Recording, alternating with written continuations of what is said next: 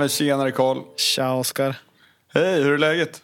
Jo men det är bra. Eh, Jag sitter på kontoret här. Hur är det med dig? Det är bra. Jag är väl lite sliten fortfarande sen midsommar. Och det var idag, det är tisdag idag. Det har varit... Vadå, är du typ bakis i fyra dagar eller? Ja, ja, typ. Eller vad, vad det blir. Det var... Men det blir alltid det många långa dagar i rad. Man kommer ju ut så på torsdagskvällen. Då börjar man, då är man göra laddad hela gänget som kommer ut. Sen är det midsommarafton och då är det riktigt bra ladd. Jag tror vi käkade middag vid typ ja, alltså kvart över ett var väl middagen klar. Eh, och sen var det liksom dagen efter midsommar. Då var det så jävla kalasväder i Stockholms skärgård. Så då, då var det regatta och eh, ja, fest på kvällen. Sen var det söndagen. Då var det dödsdimma. Så det var ju bara att bita ihop då. Vart var du? Eh, på, på min familjs landställe på Blidö i norra skärgården. Ah, titta vad trevligt. Det var jäkligt trevligt. Vi var 17 polare. Och så vi var fyra segelbåtar som låg vid vår brygga. Det var riktigt ballt. Och vad gjorde du på midsommar? Jag var i Småland, i skogarna där nere. Så jag, var, men, eller jag far runt rätt mycket. Jag, var i, jag åkte till Småland där den, på torsdagen. Och sen eh, på lördag lunch där någonstans så åkte jag till eh, strax utanför Söderköping typ. Och eh, mötte upp min mor och far och sen så slussade vi deras båt, eller våran båt, till Söderköping. Okej, jag har varit hoppar du i Norsborg typ eller senare? Nej, vi ser, jag hoppar på vid golf... Ja, vad heter det? Ja, en golf... Vad säger man? Golf? Vad, fan, vad säger man? Golfbana? Tack! En sån här bana där man spelar golf. Vad heter en sån? ja, herregud. Nej, men så jag hoppade på vid en golfbana och sen så, det var inte så många slussar in egentligen. Det var väl eh, sju slussar och sånt där totalt. Men det tog mycket tid, det var väntetid, det var många båtar och det var inte så många som jobbade. Så att man fick vänta emellanåt. De sprang mellan olika slussar, de här slussvakterna då. Men det gick bra. Nu kör vi igång det här avsnittet tycker jag.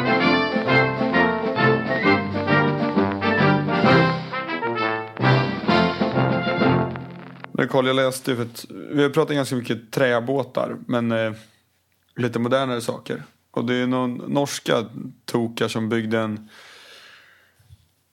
Ja, en, en replika av de, de största vikingabåten som man har hört talas om i, i nordisk mytologi. Som är 35 meter lång och 8 meter bred. 25 meter hög mast och i stort sett helt öppen.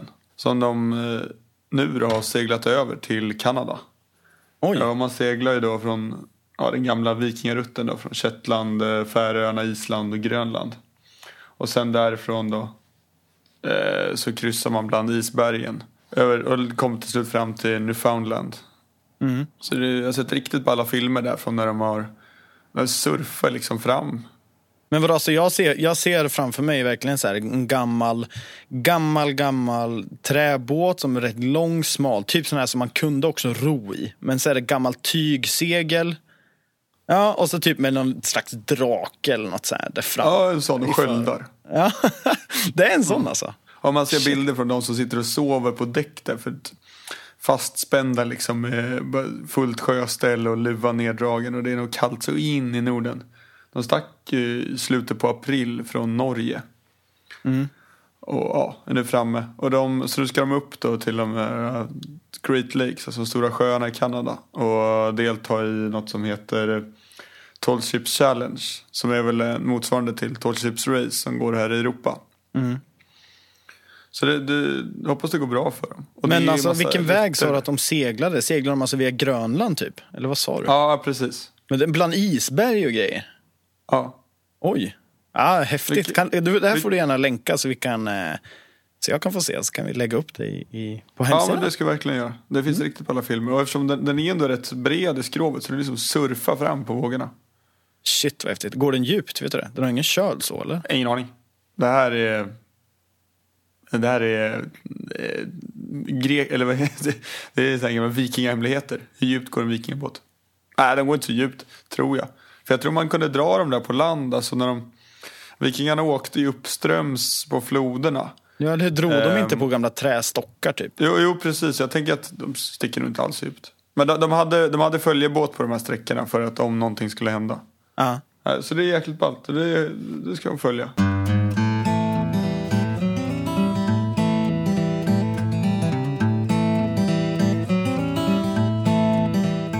Nu till helgen så startar ju OF Offshore Race, alltså det som kallas för Gotland runt förut.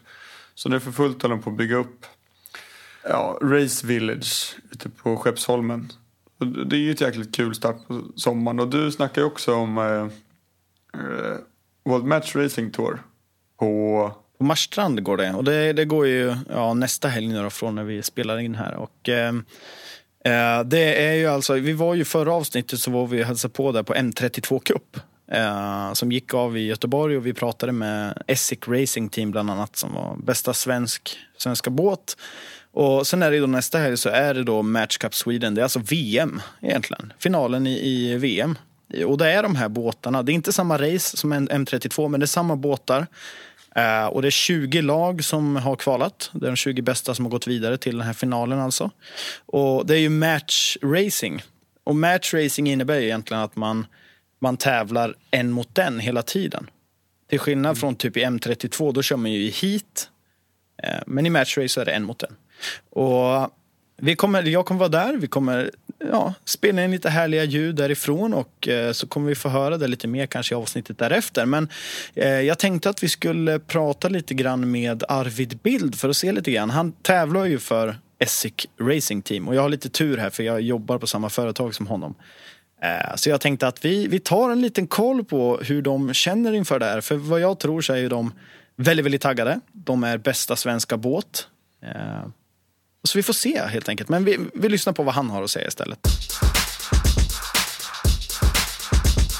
Nu eh, står jag här med Arvid Bild igen. Vi talades ju vid här för någon vecka sedan och då var vi på eh, M32 Series i Göteborg och eh, nu står vi här egentligen igen och pratar med varandra. Hur är läget? Det är bara bra. Vi håller på och eh, laddar inför eh, Eh, Match Cup Sweden här nu som är nästa vecka och börjar på måndag uppe på Marstrand. Eh, och fortsätter hela veckan och avslutas på lördag. Och då är det alltså final och det här nämnde vi tror jag i något avsnitt sedan att är det här säsongens eh, viktigaste tävling? Största tävling? Är det det? Ja det är det absolut. Det här är ju eh, ett eh, VM och eh, finalen i eh, World Match Racing Tour som har pågått under året då. Där det har varit en deltävling i Perth, en deltävling i Newport i USA, en deltävling i LA och en deltävling i Köpenhamn. Och nu är det då topp 20-lagen som, som är kvar då eh, i finalen. Och där är ni med?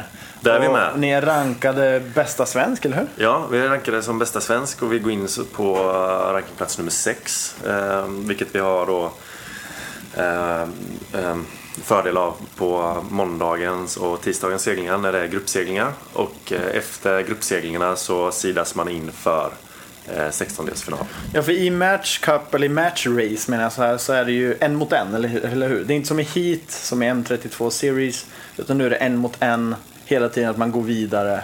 Eller? Det stämmer, ja, det stämmer bra. Det är ju inte fleet racing då, att alla, alla båtar seglar samtidigt, utan det är matchracing och det är Eh, från de här 16-delsfinalerna så är det eh, två båtar som möts i varje match och det är knockout då. Eh, bäst, bäst av eh, eh först, första till tre vinster då i, varje Har ni match. några, några eh, väderleksrapporter ni har kikat på eller?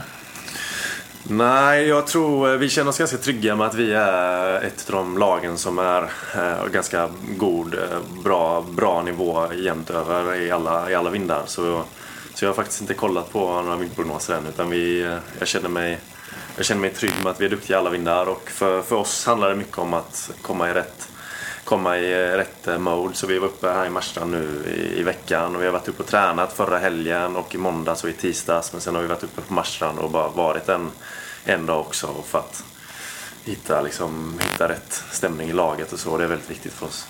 Ja, det här är ju, det är ju inte bara av att det är en, en, en viktig kupp eller en viktig tävling utan det är också en väldigt stor eh, prissumma i det här. Det är ju, nu får du rätta mig om jag säger fel, men det är väl en miljon amerikanska dollar till vinnaren? Ja, det stämmer bra. Det är en, eh, det är en eh, häftig prissumma där på lördagen till, till de som går hem med bucklan då. Så ja, det är väldigt spännande. Dela på fyra då, eller eftersom ni är fyra laget? Ja, vi har eh, precis vi har bestämt det att det är mer eller mindre om vi vinner så splittar vi det på, på vi som seglar då.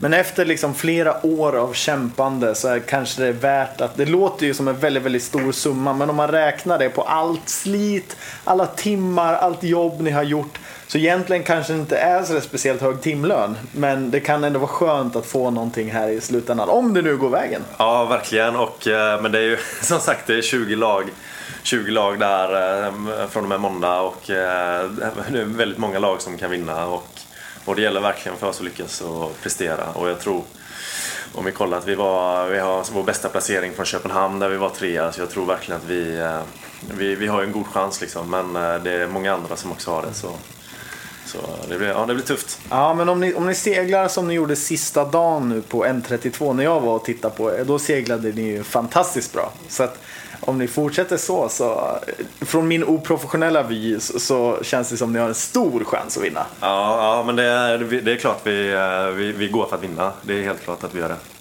Så eh, det är inga konstigheter. Sen, får, sen försöker vi tänka bort att det är en stor prissumma och liksom Ja. försöka gå in i tävlingsmode. Så eh, vinner vi så vinner vi och då får man se vad man gör med pengarna då. Ja, och så har vi kul. Vi ska ha kul, ja. Det, det är väldigt viktigt faktiskt. Och när, efter det här racet nu då, kommer du dra ut och semestersegla lite grann under sommaren eller? Ja, efter det här racet nu så kommer vi ta, tar vi en liten paus från tävlingsseglandet i, i ett par veckor. Och eh, så får, får vi se vad som eh, står på schemat efter det sen. Så bara, bara ta det lite lugnt. Och vi har haft, vi har haft väldigt mycket träning inför detta så det ska, det ska bli eh, också. Det ser jag fram emot efter det sen. Och du, du tävlar ju inte alltid när du seglar utan du kan ju också eh, skönsegla, semestersegla, eller hur? Vad, vad för båt brukar ni köra på då och vart brukar ni hålla till? Ja, ja nej, men det är ju, eh, härligt att semestersegla. Och, eh, men nu när jag tävlingsseglar väldigt mycket så har det blivit liksom att jag inte eh, tycker det är så nice att vara på sjön då när jag väl är ledig. Då försöker jag hålla mig borta från. Då gillar jag att bara åka in till mitt föräldrahem in i, in i Småland liksom och jag, inte se vatten då på några dagar. Så det tycker jag är gött på, på sommaren annars. Men, eh, nej, men visst, eh, pleasuresegling det, är- det är också nice. säger man inte nej, nej till. Men du, då säger vi lycka till! Ja, tack. Det blir eh, toppen. Så då går vi in och eh, följer helt enkelt här nu i veckan på... Ja, det kommer ju vara livestream hela veckan om man inte kan ta sig till Marstrand. Så då kan man gå in på VM, wmrt.com, alltså World Match Racing Tour.com. Och där kommer det vara livestreaming eh, varje dag. Då. Så om man inte kan ta sig till Marstrand så gå in på wmrt.com. Snyggt! Syns vi där! Ja, tack. Jag eh, fick en idé häromdagen för Search har lagt upp en lista med massa segeltermer och jag vet att blur.se också har en massa segeltermer och sådär. Seglar Eh, slang. seglarslang kanske man ska säga det. Eh, och, alltså, jag är ju ingen riktig seglare, det hoppas jag ingen tror. Jag, jag, jag älskar det, men jag är egentligen rätt så värdelös. Men du är ju väldigt mycket bättre än mig. Så jag tänkte nu ska jag låtsas att jag kan här nu och sen ska jag sitta och läsa lite ord, lite slang helt enkelt. Och så ska du säga vad det betyder. Och nu, nu kommer jag bara sitta, jag har fl- två listor där framför mig. Då ska jag försöka ta några stycken. Ska vi se om du, om du har rätt. Första ordet, majbrasa. Majbrasa, det är väl någon risig träbåt. Ja, en träbåt. Ja, Korrekt. Bäverhydda tror jag man också kan använda ibland. Ja, okej. Titta. Klassisk typ, gammal folkbåt som du köpte av något ungdomsgäng. Så bara, den flyter bara för att, av gamla vanor. Den vet inget bättre. Ord nummer två. Barnhage. Bara, ja men det är mantåg, staket. Och förklara mantåg också, så- för de som inte vet. Ja men det är som ett staket runt båten. Ja, precis. Som en barnhage. Eh, Ord nummer tre. Körare. Ja men det är en vindby. En riktig Exakt. körare. Ja. Göra repsallad. Är det, för, ja, det är när man trasslar till det, tänker jag, vid- med fallen. Nere, riktigt ormbo nere i sittbrunnen. Alla tamparna är fyra meter för långa. Ja. Och sen har jag en, en, en liten, eh, tre ord, men en, en term, eller vad ska jag kalla det, ett slang som inte är så gammalt. Det här är ju max två år. Jag vet inte, minns inte exakt när det här skedde, om det inte är ett år sedan bara. Men ja, ord nummer fyra då, eller ett slang nummer fyra. Göra en vestas. Ja, men det är ju när man har utzoomat på sjökortet. Så att man inte zoomat in så mycket så att man eh, ser grynnorna. På de här, eh, alltså de är vektoriserade moderna kort. Ja, det var nästan. Alltså göra en Vestas det är att gå på grund. Är det bara att gå på grund? Ja, jag tänker att man går på grund på grund av att man inte ser grunden för man har utzoomat. Ja, för det här grundar sig i, för er som inte vet, så är det alltså för något år sedan eller två, så Volvo, i Volvo Ocean Race så finns det en båt som heter Team Vestas. Eh, och de kör, gjorde precis som Oskar sa, de hade inte zoomat in tillräckligt på sjökortet. Så mitt ute på havet så var det en, ett, ja, vad säger man, korallrev eller en grund. Liksom. Ja, grupp. Ja, så de eh, körde rätt på och eh, ja, sjönk. Eller de sjönk inte för de stod, på, Ja, det fan de stod ju kvar på revet. Men det, och båten flöt i alla fall inte, om man säger så. Den var helt väck. Det kanske vi ska lägga upp en bild på. Jag har några ord till här då, ska vi se. Gnällkajsa. Oj. Uh, nå, någon block eller något kanske som, eh, som gnisslar om. Ingen aning. En autopilot med högt och tydligt ljud. Ja, ja, men det är nära. En plåtgenua. Ja, en motor.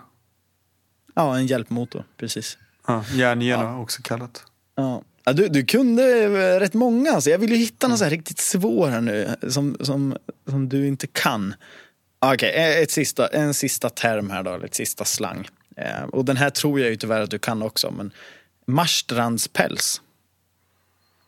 Oj. Uh, nej, den kan, alltså, det är fel. Västkusten kan jag inget om. Men eh, vad kan det vara? En... eh, det är ju inte en flytväst. Eller ett bröst. Ett hårigt bröst från en man.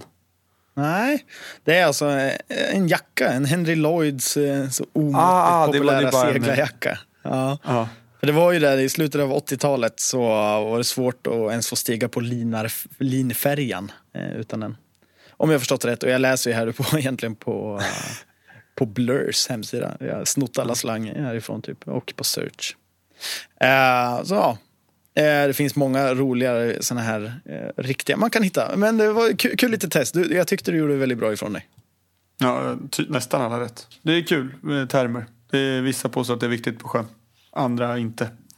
Snöre är ett snöre. Om det, även om det är en Cunningham eller infacker eller vad det nu må vara. Ja, alltså seglare, det är ju lite som, jag drar parallellen till golfare. I segling, framförallt kanske, men sjölivet, även motorbåtar, så, så är det väldigt mycket facktermer. Det är väldigt mycket ord som man egentligen kan bara säga. Istället för att säga en tamp så kan du säga ett rep. Det spelar inte så jättestor roll. Eh, och du och jag tycker väl inte det är så viktigt med, med termer. Men det finns de som gör det. Och om man vill ändå, om man intresserar sig lite för det här så finns det väldigt, väldigt mycket termer att lära sig. Ja, men nu, nu släpper vi det. Nu går vi vidare. Det är viktigt att segla och inte säga rätt. Ja, det är sant.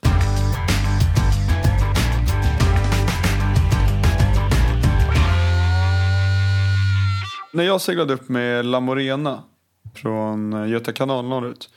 Och nästan det finaste stället. Det är ju Västra Stendörren. Och det som också är läckert med det, det är att eh, det, det är rätt schysst att ta sig dit.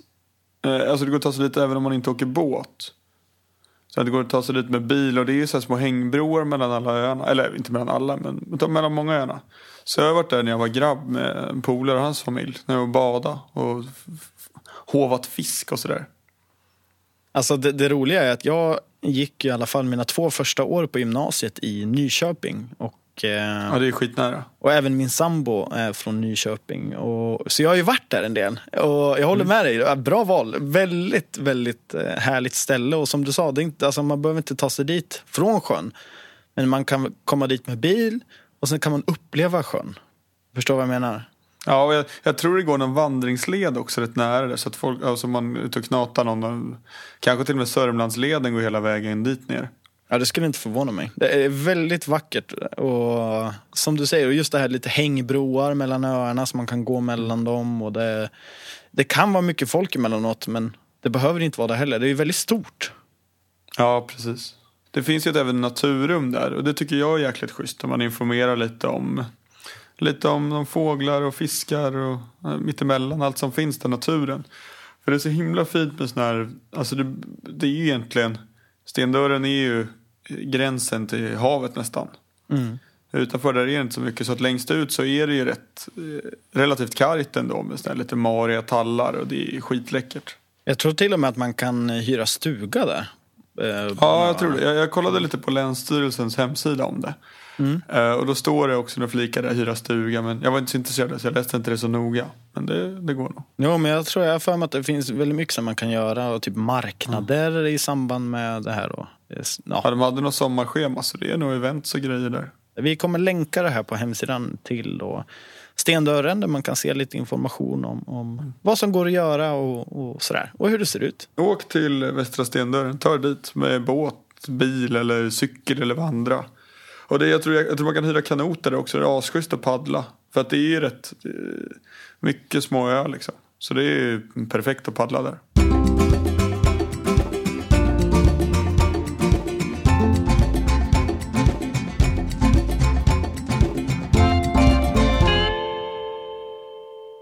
Det går ju även att uppleva vall, natur och hav och kust eh, utomlands. För du hade ju pratat med någon, eller hur Carl?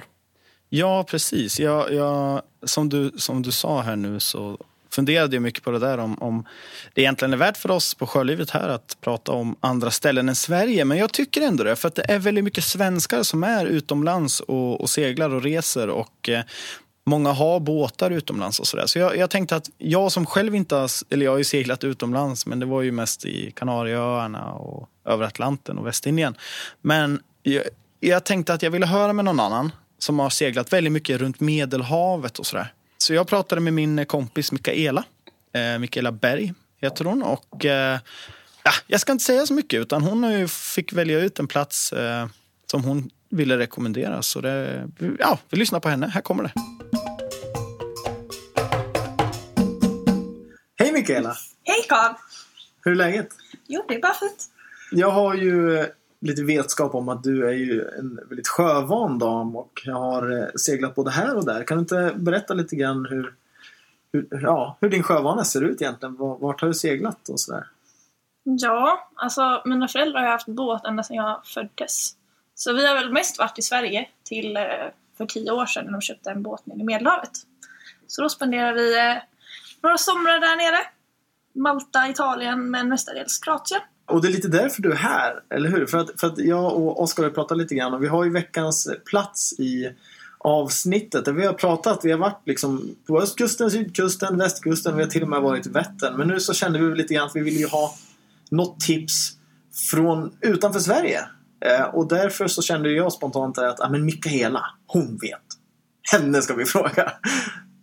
Ja, alltså det var ju ett tag sedan jag var där. Men det är ju, det är jättefint. Det finns jättemycket fina saker och det är helt annorlunda från Sverige. Eh, Vad är skillnaden? Alltså den, den största skillnaden är att man behöver typ inga sjökort där nere. För där det är vatten, där kan du köra och där det inte är vatten, där, där är det land. Så det, det är alltså inte så mycket... grund. Nej, precis. Det är inte som i skärgården i Sverige när det är grund lite överallt. Utan... Nej, absolut inte. Det, när liksom berget tar slut ner i vattnet, då blir det typ 10 meter direkt. Och det är helt otroligt. Och det ser inte speciellt djupt ut för att det är så himla klart vatten. Så man blir orolig varje gång man åkte in nära berget och bara "Hå! kanske ska stanna nu. Så kollar man på ekolodet och så bara äh, det, är nog lugnt. 10 meter! 10 meter. Det är bara jag kanonkulan direkt. Men har du hunnit fundera ut något sådär guldkorn eh, som, som du vill rekommendera och dela med dig av till? Kan- jag vet ju att det är svårt ibland att, att dela med sig av guldkorn för man vill ju gärna ha dem för sig själv. Men det kanske är ändå mycket folk på det här stället du valt. Jag har inte en aning. Har du, har du bestämt något? Ja, det har jag. Det finns eh, några öar utanför Var som är en av de stora öarna i Kroatien. Vad- I Kroatien är vi nu? Okej. Ja. Ja. Mm. Då finns det en ö som heter Var och precis utanför där så ligger det lite små öar. ja, det finns några öar och du har ju nu tagit upp en karta här för mig. Eh, Och nu ska, jag, nu ska jag... Får jag försöka uttala det här? Ja, gör det. Ön heter alltså Paklinski Otoci. Precis. Jag, jag, jag freebasar här och chansar på att det stämmer. Men ja. Vart på den här ön? Det är en ö, alltså, vad sa du? Utanför? Utanför Var. Eh, och då finns det en liten vik i den här ön som heter Palmisana. Och den är jättefin. Det är riktigt så här sagovik tycker jag, som på typ film. Jätteblått och palmer. Och det är även jätte, en jättefin eh, liksom skog. Alltså skog låter så himla tråkigt men det är lite mer så här regnskogaktigt typ. Som Ja. man kan gå igenom till, till andra sidan av ön där det är jättefin strand. Nästan lite djungelkänsla. Ja men typ. Ja. Så är det mycket fina restauranger där och Det är alltid jättemycket båtar, så vi har eh, faktiskt aldrig legat på bryggorna, utan vi brukar lägga oss eh, vid klipporna, typ. Och då lägger man sig bara 2-3 meter ifrån klipporna och så sätter man tampar in i träden och sen kan man ändå hoppa från båten, alltså man lägger sig med akten in. Det gör man Okej. nästan alltid i Kroatien, man backar in. För att det är så djupt hela vägen fram. Och, och nu är det så att vi har en karta framför oss och den här kartan kan man också hitta på sjölivet.se eller jourlivet. Som vi kommer länka till helt enkelt. Och där kan man se, det, det ser ut som att den här eh, marinan eller Marina Palmisana ligger mitt emot, alltså det, det ligger mitt emot en till Alltså det är som att ön är liksom avlång. Tänker liksom från vänster till höger ungefär. Och längs med den här avlånga ön så är det vikar både ovanifrån och underifrån. Så jag vet inte riktigt hur man ska beskriva hur det ser ut. Men de här två vikarna går ju nästan in mot varandra. Så det ser inte ut i alla fall att vara så mycket land emellan vikarna. Eller? Nej, alltså det går ganska fort. Alltså du kommer ju över på typ några minuter. Ja, och går då alltså? Ja. Eller, ja, nu var det ett tag sedan, men jag har för mig att det inte tog speciellt lång tid. Det gick relativt fort. Det är som en smal gångväg emellan liksom. Jättefint. Alltså jag har själv aldrig, aldrig varit i Kroatien och ja, dessvärre då inte seglat heller eftersom jag inte varit där. Men det är ju ändå någonting jag faktiskt skulle vilja vilja göra och jag, jag har ju hört talas om i alla fall någonstans så, så är det ju Game of Thrones. Jag, nu har jag ingen koll, du får ju rätta mig om jag har fel, du som har seglat där. Mm. Spelas inte det in typ där någonstans? Jo, i den sydligaste staden i Kroatien som heter Dubrovnik. Som är en jättegammal stad som är väldigt väl bevarad. Eh, Det var ett krig i Kroatien för jag vet inte hur länge sedan, typ 90-talet. Då förstördes staden ganska mycket, eller deras liksom gamla stad, eller gamla stan eller vad den heter. Eh, Och det är jätteväl bevarat. Eh, Så jag antar att av den anledningen så valde de Men, att använda Dubrovnik som Kings Landing. ja, det, är Kings Landing. det var precis det jag skulle fråga om det var typ där Kalisi är eller om det är... Nej men okej, Kings Landing. De här bilderna är väldigt, väldigt vackra och jag rekommenderar er som lyssnar att gå in och titta på sjölivet.se eller sjölivet.se och eh, ta en titt helt enkelt på kartan och kanske några bilder. Kan, jag får inte lägga upp vad, hur som helst och vad som helst gällande rättigheter och sånt men du kanske har någon bild därifrån du vill dela med dig av. Vi, vi får se efter kanske. Jag ska kika på detta. Ja, gör det. För i så fall kan vi få dela med oss av lite bilder också. Nu kan vi inte upprepa namnet en gång till. Alltså, vi är i Kroatien. Vi är utanför Var? Var. Eh, och ön, nu, jag, jag försöker igen. Paklinski och Toci. Och vad heter viken då? Palmisana. Palmisana. Yes! Jag ska dit.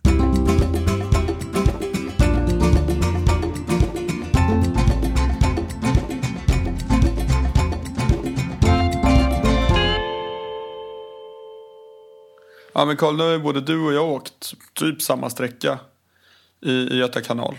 Vi har mest slussat neråt, men jag har ju slussat tidigare både uppåt och neråt och hitåt och ditåt. Så jag tänkte vi har väl lite, ja, lite handfasta knep för att skilsmässodiket Göta kanal inte ska upplevas som just ett skilsmässodike utan kanske en ball grej. För du la upp en riktigt fin bild på, eh, på vår Instagram. Ja, alltså jag kände ju verkligen det. Jag har inte slussat så mycket innan. Det har varit så några slussar här och där för att hjälpa till lite grann. Jag har aldrig gått hela kanalen så jag kan inte, jag kan inte säga hur det ser ut överallt. Men eh, där vi gick nu då, så det var verkligen, det var strax ja, nära Söderköping. Det var verkligen sådär en känsla av Everglades. Jag vet inte varför jag tänkte på just Everglades. Jag var där för ett och ett halvt år sedan typ och kollade alligatorer och sånt. Men det var verkligen sån natur. Det enda som fattades var alligatorerna. Och det var på en, så här, någon slags natur som jag inte riktigt visste att det finns i Sverige. Det är ju så fruktansvärt vackert. Och jag har hört att det finns ännu vackrare ställen, typ eh, vid sjön Viken tror jag den heter. Eller väster om Karlsborg upp mot Vänern tror jag. Jag har hört att det är väldigt vackert med skog och sånt där också. Men det som är ballt med Göta kanal det är att man, man åker liksom, först man åker dels på åkrarna. Och sen också när man kommer senare så man har den här bergsryggen på norra sidan och så åkermark söder om sig blir det väl. Det är också svinballt. Ja, men det är helt sjukt där vid Borensberg typ. Eh, så när man åker med bil från Motala till Linköping till exempel. Så ser man liksom mitt ute på åkrarna lite längre ut så ser man båtar som går. Och det ser verkligen så sjukt ut när de går mitt på åkern. För man ser inte ens kanalen från den vinkeln liksom. Men och, det man ska tänka på när man slussar då. Det, jag, jag tycker man ska, oftast för man åker ju, man har ju som ett fast tidsschema. Så att det är inte så att man bara, det är race först in, utan man, man blir oftast en grupp av båtar. Ja. Som åker. Och det är rätt skönt att man alltid slussar med samma, för då vet man, då ska man försöka göra på samma sätt varje gång och alla båtarna lägger sig på, på liksom samma plats i slussen. Och, och det är liksom fändra av ordentligt. Och jag vet vissa har ju med sig en planka och lägger utanpå fändrarna. Så att man har fändrarna närmast båten och sen lägger man också en, en, ytterligare en planka. Det kan vara en rätt schysst grej att göra. Det tror jag kan vara smart. Jag såg, vi gick nu bakom en stor, jag vet inte vad de heter, det är sån här en väldigt stor båt med hyttar och grejer som, som går längs med Göta kanal. Ja, en motorbåt, en stor liksom, passagerarfartyg vet jag inte. Men, ja, En större båt och det var verkligen precis att den tog sig igenom slussar och allt sånt där. Det var verkligen, måtten var, det var precis och de hade som ja, träplankor då utanför och de gick ju sönder hejvilt. För de, de liksom squeezade ju igenom varenda liten broöppning och sluss typ. Och de verkligen släpade i botten också. för de, de drog upp dy överallt. Eh, Men jag tror som du säger, just det här med trä. Jag tänkte just på att de hade ju det och att det, det är ingen dum idé. Ja men det är bra att lägga en planka för att då, då gör ingenting ojämnt det. Utan det är, rätt, det är rätt schysst också då. Man får större yta mot, mot land. Och sen, sen också med tamparna liksom att ha lagom långa tampar. Att, för det är så lätt att man tänker att ja, men jag ska ha en ordentligt lång tamp som aldrig blir för kort. Och då blir det bara trassel. Helt plötsligt står det där med någon, vad var det du kallade det för? Tamp, snörsallad eller någonting. Kommer blir ett riktigt det ormbor har i näven och så är lite stressad och så går det lite fort och så... Åh. Ja, men jag tror det är som du säger, man ska ändå vara förberedd. Man ska ha rätt längd på, på tampar. Man kanske ska ha tänkt igenom saker och ting innan man går in i en, sluss. Så man vet, och ska du uppåt och neråt är ändå två helt olika saker. Alltså gå neråt, alltså då slussas man neråt i de här trapporna eller vad vi ska kalla det. Och då är det egentligen som du sa förut, där, att det är bara att släppa av eller släppa efter. Ehm, och bara se till så att man inte driver iväg och såna här saker. Men när man ska upp så är det lite klurigare. Du som har gjort det här lite mer, har du något här, tips på hur man ska tänka när man ska gå upp för en sluss? Ja, men det är ju, alltså, ta det lugnt och inte ta i, alltså ta i lagom. Om man, för det är lätt att man bara står och drar liksom svinmycket och håller in så står man då och krigar mot varandra. Att en står och drar in fören på båten och den andra står och drar in akten liksom. Så ta in lite lagom där. Då. Och för att tar man, alltså också tar i för mycket så blir man så trött och det är skitjobbigt att vara trött. Då gör man tokigheter. Ja, det blir ju verkligen sådär. Man har ju sett folk som står verkligen och drar en i fören, en i akten och det blir som en hävarm. Så egentligen gör det ju absolut ingen nytta utan det är bara kraftmätning mellan, mellan de Men som drar. ja, så det skiter i det. Och sen också som de säger i slutsvakt, det här med tamparna, de sticker man ju eh, underifrån ringen och upp. Och så Och varför gör man det? Ja, men det är för att den ska lättare, när man drar ur den. Då, då nyper den inte fast i ringen. Utan har man, den, har man den ovanifrån då vill ju ringen tryckas ner. Så nyper den fast tampen. Mm. Och det blir jobbigt. Då får du inte ur den så lätt. Och vill du liksom vara kvar i båten och lossa, eller om du är det, så kom Ja, ihåg precis. att inte ha knutar nästan- kvar heller. Alltså det är ju det Nej. viktigaste, att den löper fritt. För om det är en, Ja. en uggla eller en knut längst ut på tampen och du ska dra igenom den genom, Mm. genom själva vad, ringen, eller vad vi ska kalla det, eh, som är på land, så är det väldigt lätt att den fastnar. Och sen också, alltså om det är en solig dag och man slussar. Det blir så jäkla varmt. Det blir ruskigt varmt på däck. Så se till att ha liksom.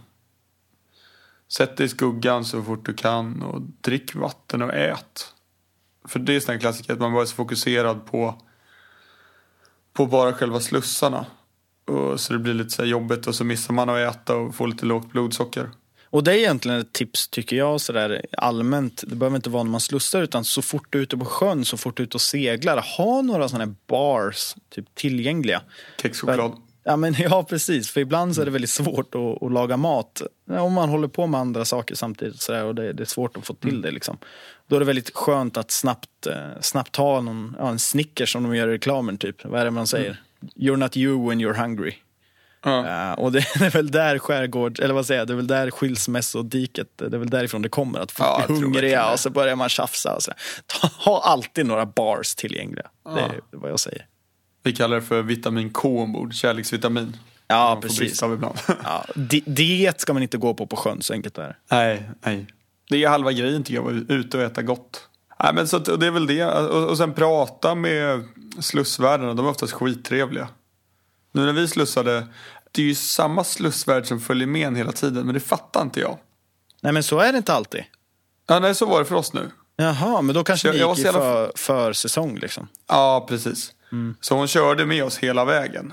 Och jag bara, när vi kom till andra stället så bara, fan den här, den här bruden var jävligt lik hon som var på förra stället. Jag känner igen syster." henne. Ja. Tredje stället så bara, hon är ju så, är, är de tre? Det är helt sjukt. De är exakt likadana. Vad är det för jävla incest? Vem, är det som anst- Är det bara samma familj som får jobb här? Så jag frågar ju henne så här, ja men är det här liksom, ja, kul att alla systrarna. Och hon bara, va? Och då var det en annan av oss ombord, Jonna, hon bara, Oskar, det är samma hela tiden. Och jag bara, ja. Och då var det också eh, min polare Martin Nitschke som var med. Han sa också det bara, "Ah, jag tyckte fan de var lika. Så jag började tänka på det. För det kommer liksom en, precis samma kläder. Så tänker man också, gör dem lite mer lika. Men så bara, äh, det här är ju orimligt. Men eh, hon var skittrevlig och jäkligt bra.